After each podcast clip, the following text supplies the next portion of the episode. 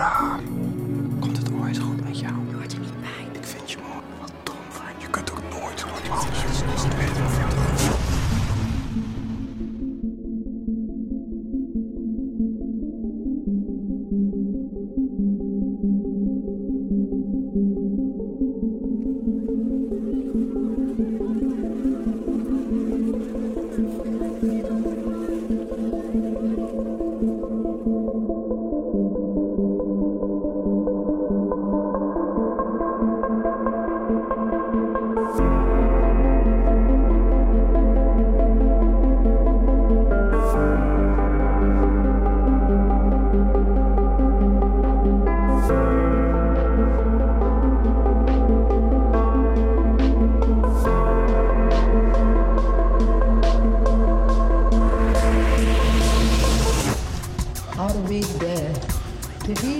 a soldier, so a soldier of peace. I never told anybody to lie. I have a dream. Will you marry me? I'm pretty and can't possibly be beat. Are you? That God is with the vulnerable and the poor. The poor. Don't let anyone tell you it cannot be done. We can be the generation that ends extreme poverty. Poverty.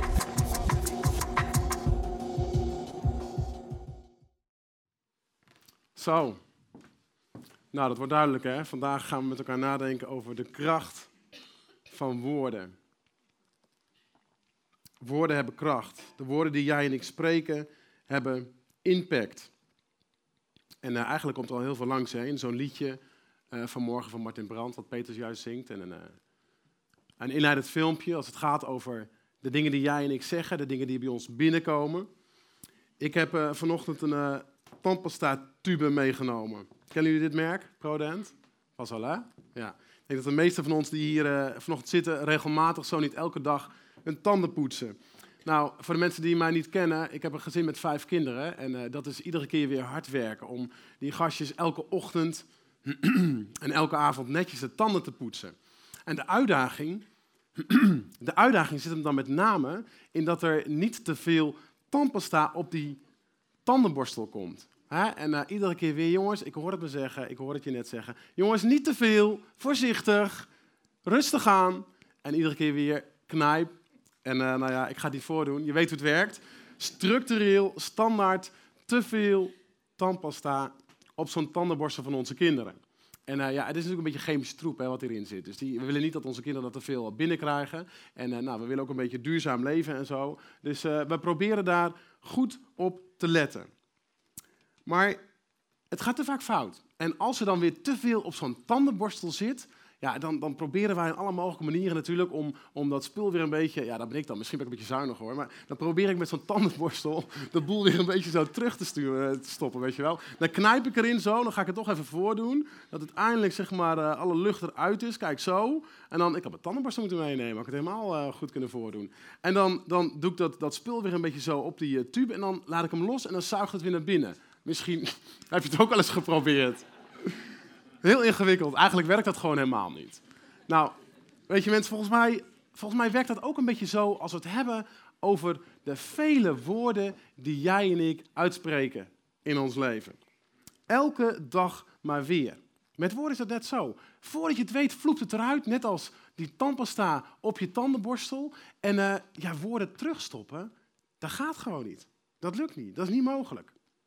Nou, en als je dan bedenkt dat jij en ik op een gemiddelde dag maar liefst 15.000 woorden uitspreken, dat is behoorlijk. En natuurlijk, er zit wel verschil in eh, hoeveel, eh, hoeveel woorden dan door mannen gesproken worden en eh, hoeveel woorden door vrouwen gesproken worden. Ik zei al, het is een gemiddelde. Dus misschien zitten wij mannen wat meer aan die ondergrens van 15.000. En je net, jij gaat zeker over de 25.000 op een dag. Maar goed, gemiddeld spreken we om en bij de 15.000 woorden per dag. En dat is natuurlijk een heleboel. Dat zijn er ruim 100.000 per week.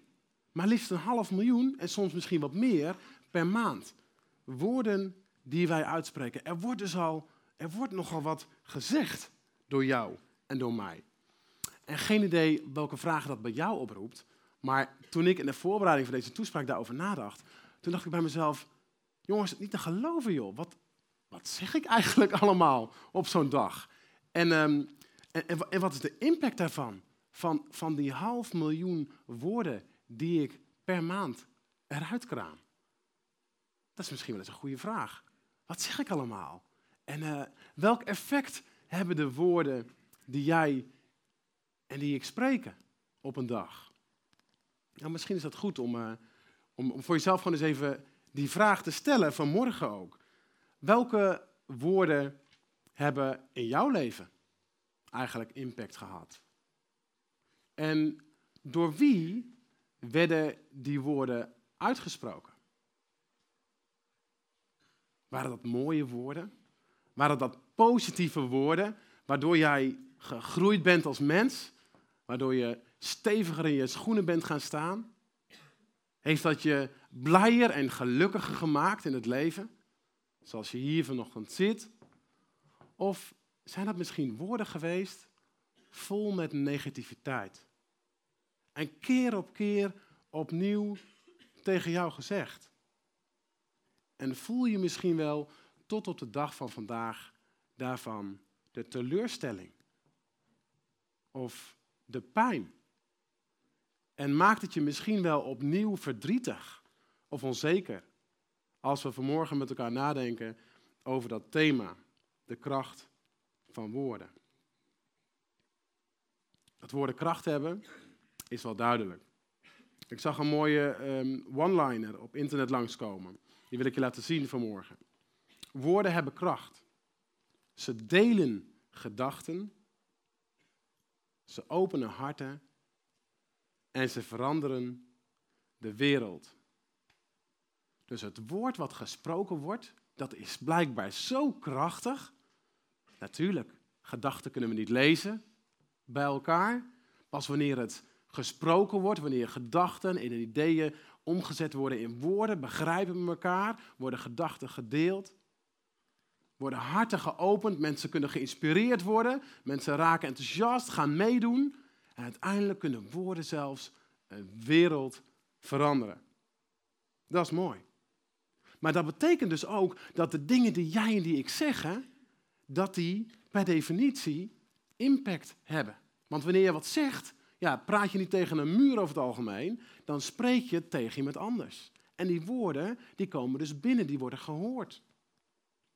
En dat wat vroeger tegen je gezegd, heeft, wat vroeger tegen je gezegd is, dat, dat zit waarschijnlijk nog altijd ergens in je hart.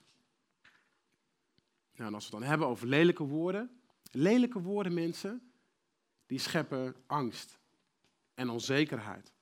Maar mooie woorden, die scheppen blijdschap en vertrouwen. En als je als kind veel mooie woorden gehoord hebt, ik zei het al, dan, dan maakt dat je sterk, dan maakt dat je mooi, dan maakt dat je zekerder. En dan kun je genieten van het leven. Natuurlijk kun je te maken hebben met teleurstelling, maar, maar je groeit in je karakter. Maar veel nare woorden daarentegen, ja, dat maakt je, dat maakt je onzeker en dat maakt je bang. Nou, we hebben een Bijbel hier bij de basis. We geloven hier in deze kerk de basis in een Bijbel. In de Bijbel de woorden van God, die God gesproken heeft in het verleden, maar tot op de dag van vandaag bijzondere zeggingskracht hebben. De woorden die God sprak in het Oude Testament tegen een heleboel mensen, tegen profeten, die hadden kracht. Dat zet een mens, dat zet een compleet volk in beweging.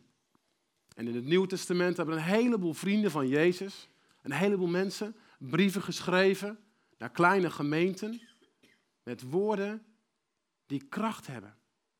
En hier bij de basis geloven we daarin. Dat die woorden uit het oude boek, en misschien denk je wel van, joh, wat apart. Hoe zit dat dan? Hoe kan dat dat in de basis en het tal van plekken in Nederland en wereldwijd er zoveel kerken zijn, dat ze geloven in zo'n gek oud stoffig boek? Nou, dat komt, beste mensen, omdat wij geloven dat die woorden van God, dat die kracht hebben. En dat zullen we zien ook vanmorgen.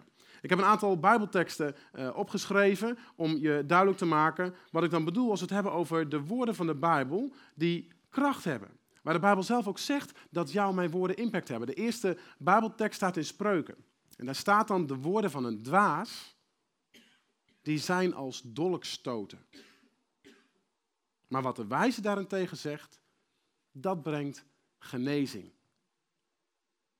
Dus de Bijbel, en volgens mij snappen we dat allemaal, de Bijbel zegt hier al dat de woorden die door een dwaas gesproken wordt, dus iemand die niet nadenkt, die er zomaar, weet je nog, net als die uh, tandpasta, zomaar er wat uitvloept, niet nadenkt over wat de impact is van de woorden die hij of zij spreekt, die woorden kunnen zijn als dolkstoten.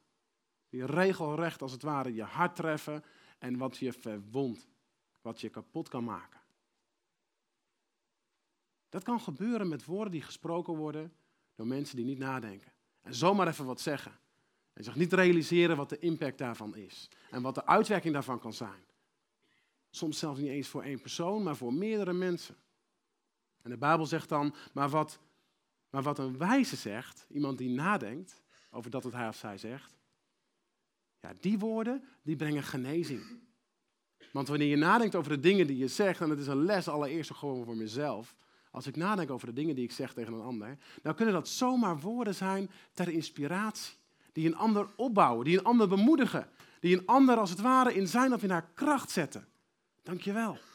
Dat woord of die bemoediging had ik nou net nodig. Dankjewel. Dat is wat de Bijbel zegt in Spreuken 12. Ander vers, een paar hoofdstukken verder in Spreuken, wordt het ook heel duidelijk wat vriendelijke woorden, wat goede woorden doen met mensen. En daar staat dan, vriendelijke woorden, die zijn als een honingraad.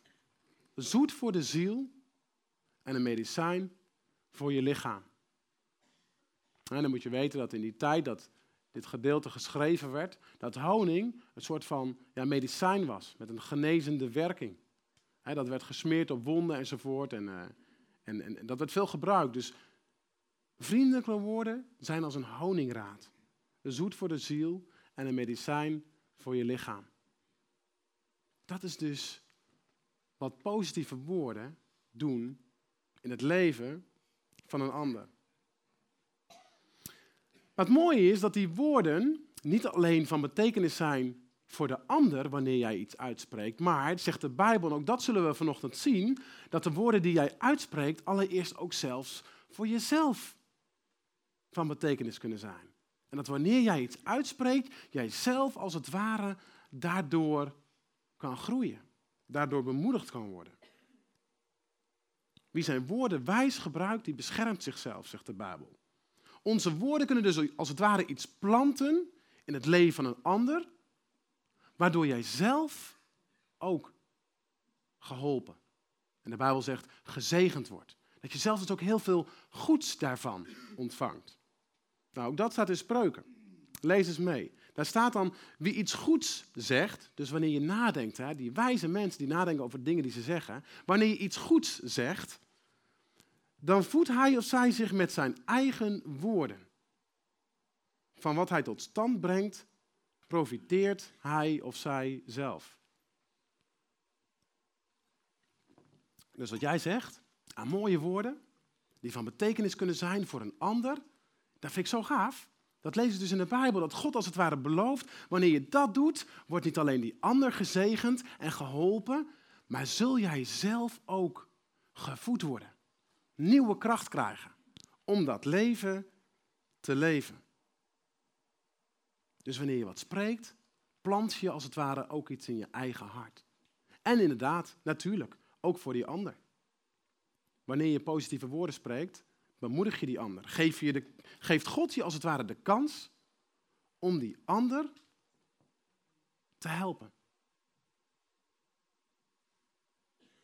Nou, de kracht van die woorden van God, die zijn die zijn onnoemelijk groot. Dat zag je net alweer als het ware in dat filmpje. Hè?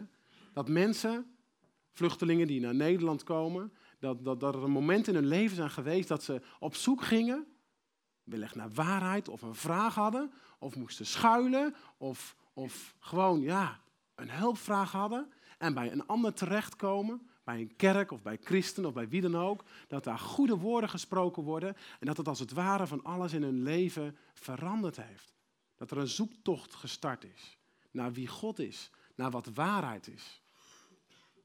Dat is de kracht van het woord van God. En ik weet niet hoe jij hier zit, maar ik kan me tegelijkertijd daarover verbazen. Dat zoveel mensen, dat zoveel mensen in de tijd waarin wij leven, zich laten leiden door die negatieve woorden. Dat mensen als het ware op slot zitten. Dat mensen als het ware gevangen zitten in hun eigen denken, omdat vanuit het verleden er te veel negativiteit geweest is. Te veel negatieve woorden gesproken zijn. Die pijn doen, die je verdrietig maken. Waardoor je niet het leven kan leven zoals God het voor je bedoeld heeft.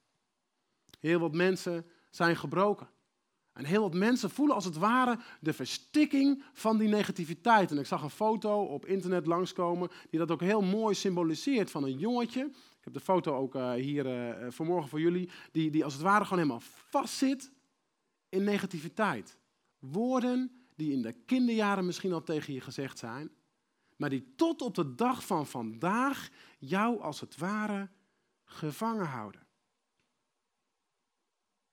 Dat is niet de bedoeling van de Heere God, schepper van, van de hemel en van deze aarde. Het is niet de bedoeling van de Heere God die jou gemaakt heeft, dat je op deze manier als het ware, misschien lang niet zichtbaar voor de mensen om je heen, maar dat dit wel, dit beeld wel te vaak het gevoel is in jouw leven. Ik zit op slot, het voelt als, als, als een soort van verstikking, dat ik niet los kan komen van de negativiteiten, van de onzekerheid, van de pijn, de teleurstelling uit het verleden. En te vaak, lieve mensen, laten wij ons, denk ik, daardoor leiden. In plaats van dat we ons laten leiden door de bedoeling van God voor ons leven. Hoe kan dat nou? Hoe zit dat nou? Mensen, ik denk dat dat het kwaad is. De tegenstander van God. De tegenstander van God die erop uit is om mensen gevangen te houden. Te laten breken, zoals je dit beeld ziet van een kind wat, wat, wat niet gelukkig is. Ik geloof dat het het kwaad van God is, wat erop uit is om zoveel mogelijk chaos. Dat is ook een van de betekenissen van zijn naam, van Satan. Om chaos te creëren in deze wereld. Waar mensen niet langer in een harmonie en in een mooie verbinding en in goed contact met elkaar leven. Waarin ze elkaar bemoedigen, elkaar aanscherpen, elkaar liefdevol aansporen om de waarheid te volgen en te groeien en vrij te zijn. Maar waar mensen gebroken zijn. Als het ware als een zielig klein musje zich verschuilen tegen die grote, boze tegenstander. Het is het kwaad, de tegenstander van God, die daarachter zit. En laten we dat duidelijk maken met een voorbeeld, wat ik uh, al een poosje geleden uh, gelezen heb en wat ik regelmatig gebruik als ik met tieners en jongeren in gesprek ben. En dat is het voorbeeld van de olifant. Het kan best zijn, ik spreek regelmatig hier in de baas dat ik in het ver verleden dat al eens een keer genoemd heb. Maar ik vind het een krachtig voorbeeld als het gaat over hoe mensen in deze tijd gevangen kunnen zitten. Het verhaal van de olifant. Ik ben vorige week trouwens behoorlijk ziek geweest, dus af en toe moet ik wat drinken, want mijn keel is nog helemaal wat het wezen moet. Het voorbeeld van de olifant. Olifanten kennen wij met name van de dierentuin. Hè?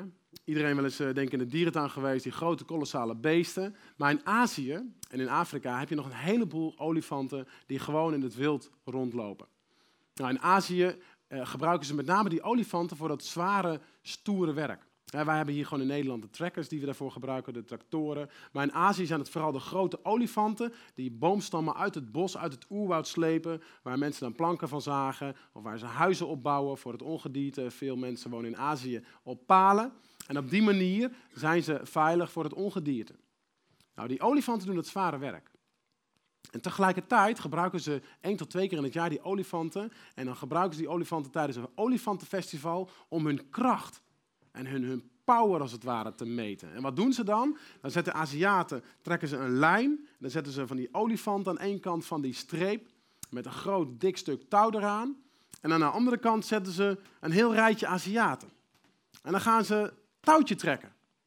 En dat is geen Donald Duck verhaal, dit is serieus, dit wordt jaarlijks gedaan op tal van plekken in Azië. Dan gaan ze de, de kracht van zo'n kolossaal groot beest testen. En hoe meer Aziaten aan dat sterke touw natuurlijk, hoe eerder de kans dat die olifant achteruit moet lopen en die Aziaten die olifant over die streep trekken. Nou, nou zijn er voorbeelden van dat er soms meer dan 100 Aziaten nodig zijn om überhaupt zo'n olifant over een streep te trekken.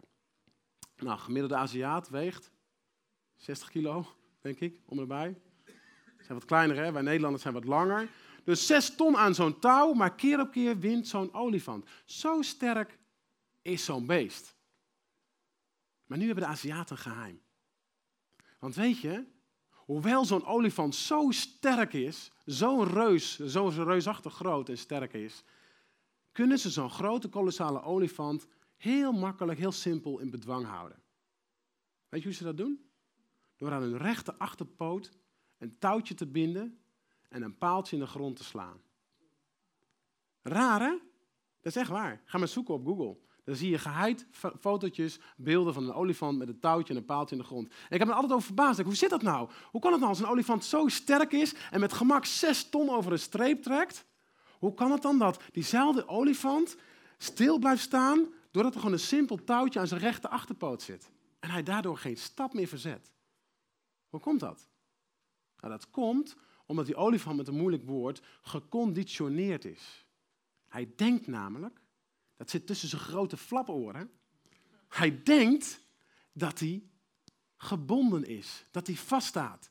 En wanneer hij maar met één eh, de krachtige trap zeg maar, zou, zou, zou trappen, dan, ja, dan zou hij zou die pijn hebben aan zijn rechte achterpoot.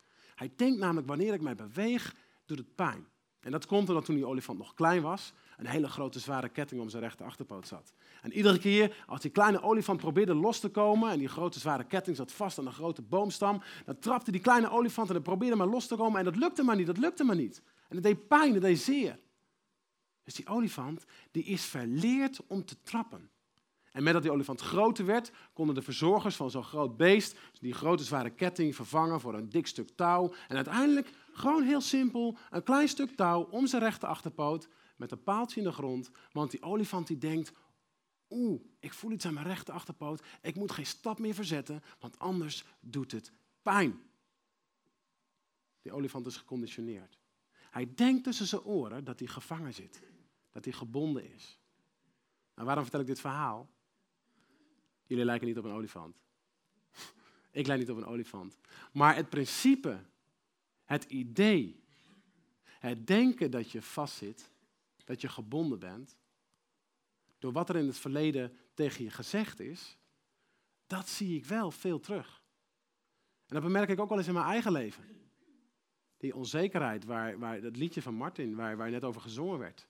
Dat het zomaar opeens daar kan zijn. Hé, waar komt het nou vandaan? Dat is helemaal niet nodig. Je mag toch geloven en vertrouwen op de Heer God die je leven leidt. Te vaak hebben we het gevoel, doordat er wat dan ook tegen ons gezegd is, dat we niet mooi genoeg zijn, of we niet, niet voldoen, of, of, of, of, of uh, joh, je hoort er toch niet bij, of nou, weet ik van wat dan ook. En soms is het zelfs non-verbaal. Het kan zo diep gaan, dat alleen al, ja, dat hè, zou ik alles tegen tieners en jongeren in de, in de klas. Alleen al, ja, de, denk je zelf. Alleen dat, dat kan al naar binnen gaan. Zo zijn we blijkbaar als mensen gemaakt. Dat kan al genoeg zijn. Dus we hebben het gevoel dat we vastzitten. Terwijl we eigenlijk maar vastzitten aan een heel klein touwtje. En wat is er nodig? Er is maar één klein trapje nodig. Eén klein stapje om los te komen. En ik geloof, lieve mensen, dat dat nodig is als het gaat over die woorden. Die woorden van kracht. En ik geloof, lieve mensen, dat de Heere God, de woorden die door God gesproken worden in de Bijbel, dat die zoveel kracht in zich hebben, dat die juist die, die ketting van, van, van, van gebondenheid en van gebrokenheid, dat alleen dat woord van God, God zelf, dat kan doorbreken. God gelooft namelijk in zijn eigen schepping. God gelooft namelijk in jou zoals jij hier zit. En het is mijn vaste overtuiging dat het oké is, dat hoe God jou gemaakt heeft, en zoals je hier vanmorgen op deze stoel zit, dat niet wat je doet belangrijk is. Ik moet het ook regelmatig tegen mezelf zeggen. Dat niet wat ik doe belangrijk is, maar gewoon hoe God jou en mij gemaakt heeft. Dat is voldoende. Dat is oké. Daar gelooft God in. Want hij heeft je niet voor niets gemaakt. Gewoon zoals je bent. En ik lees het in de Bijbel. Ik lees het bijvoorbeeld in Jeremia, Jeremia 29. En daar staat in vers 21, daar zegt God tegen zijn volk, en dat zegt hij vanmorgen tegen jullie, deze Bijbeltekst komt regelmatig langs, mijn plan met jullie staat vast. Spreekt de Heer. Ik heb jullie geluk voor ogen en niet jullie ongeluk. Ik zal je een hoopvolle toekomst geven. Zie je dat? Dat is de waarheid van God. Jij kan je misschien wel gebonden voelen door alles wat in het verleden tegen je gezegd is, maar dit is de waarheid van God, schepper van het leven. En hij zegt, ik wil niet dat je gevangen zit, ik wil niet dat je vastzit, ik wil niet dat je je uh, nietsnut voelt, ik geloof in je. En mijn plan voor jouw leven staat vast, want ik wil dat je gelukkig bent. En ik beloof je, zegt God de schepper, dat ik je een hoopvolle toekomst zal geven.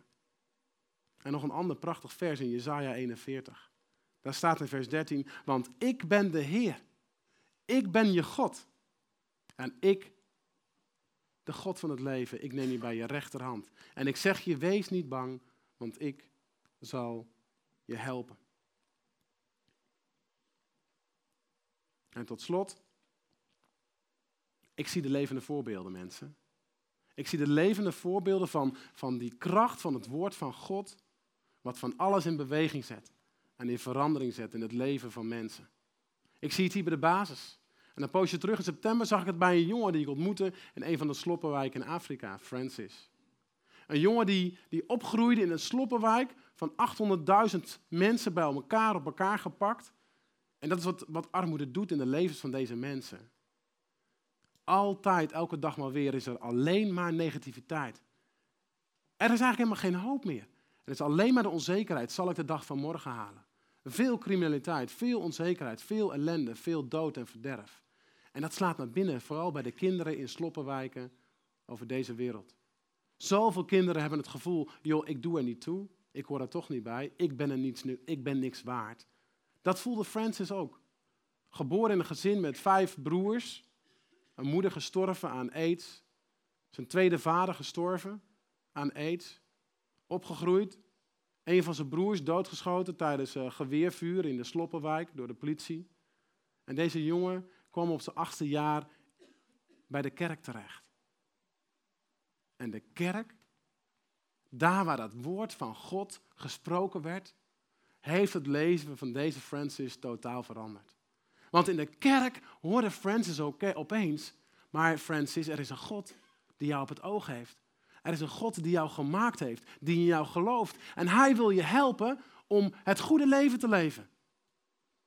En deze Francis heeft zoveel mooie woorden van God zelf gekregen de afgelopen jaren, dat hij nu met zijn 4, 25 jaar een van de leiders van die kerk in de Sloppenwijk geworden is.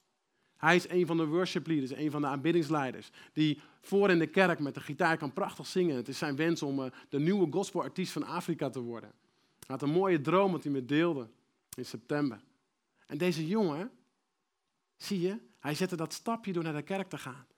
En die ketting werd doorbroken. En God veranderde zijn leven totaal.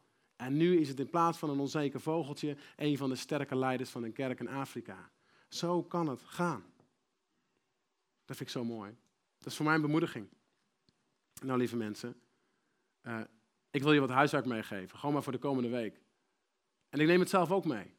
Ik zou het prachtig vinden als wij in de komende week gewoon dat eens gaan oefenen. Gewoon dat eens gaan proberen. Om positieve woorden te spreken. Om een ander te bemoedigen. Door gewoon maar te zeggen wat we zien.